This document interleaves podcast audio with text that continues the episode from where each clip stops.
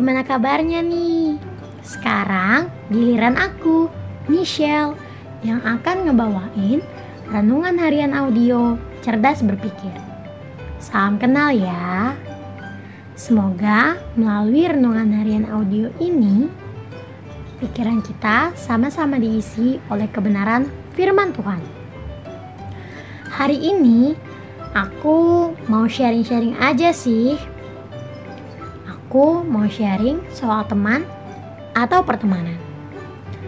Siapa sih di sini yang nggak punya teman? Kayaknya kita semua punya teman deh. Teman di sekolah, teman di rumah, di gereja, di tempat les, bahkan di medsos juga ada kan?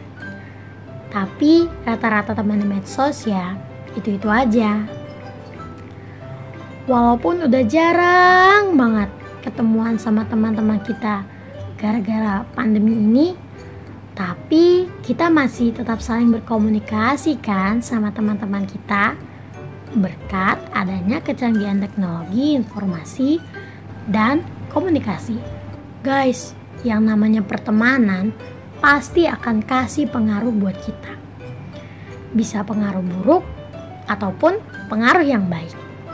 Pola perkataan, cara atau style berpakaian, kebiasaan, selera, dan yang lainnya.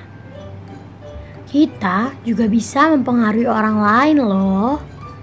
Itu semua terjadi karena sifat dasar manusia adalah meniru orang-orang di sekitarnya kita juga belajar banyak hal lagi kan dari sebuah pertemanan. Dan ternyata dalam beberapa hal pengaruh pertemanan bisa jadi lebih kuat loh guys daripada pengaruh keluarga. Normalnya begini, keluarga kita gak pernah ngajarin kita untuk ngomong kotor dan ngomong kasar. Tapi Kitanya malah ngomong kotor dan ngomong kasar karena terpengaruh teman-teman kita yang ngomong kotor dan ngomong kasar. Nah, karena itulah kita harus berhati-hati ya guys sama pengaruh dari pertemanan. Kita harus belajar untuk menyaring apa yang boleh mempengaruhi kita atau enggak. Kita semua pasti udah tahu kan pengaruh apa yang gak boleh masuk di hidup kita. Tentunya pengaruh yang gak baik.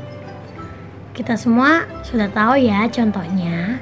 Di 1 Korintus 15 ayat 33 bilang begini. Janganlah kamu sesat. Pergaulan yang buruk merusakkan kebiasaan yang baik. Jadi, udah jelas kan? Guys, kita itu boleh aja loh berteman. Aku juga sebisa mungkin punya banyak teman. Karena punya banyak teman itu nggak salah kok. Yang salah itu kalau kita nggak bisa nyaring pengaruh-pengaruh dari pertemanan kita tersebut. Jadi, ayo kita sama-sama belajar untuk menyaring pengaruh yang masuk di hidup kita. Kita pasti bisa kok.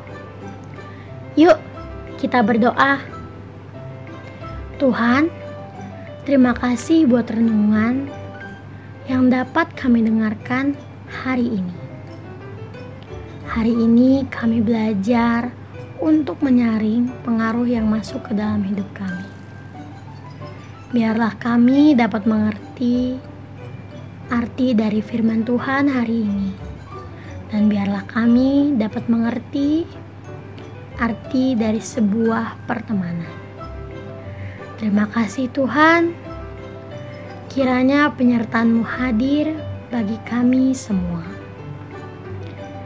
Terima kasih Tuhan Yesus, kami sudah berdoa dan mengucap syukur. Haleluya, amin. Oke guys, aku pamit dulu ya. Tetap sehat, tetap semangat, dan tetap jadi berkat. Jangan lupa bahagia ya. Tuhan Yesus memberkati. Dadah.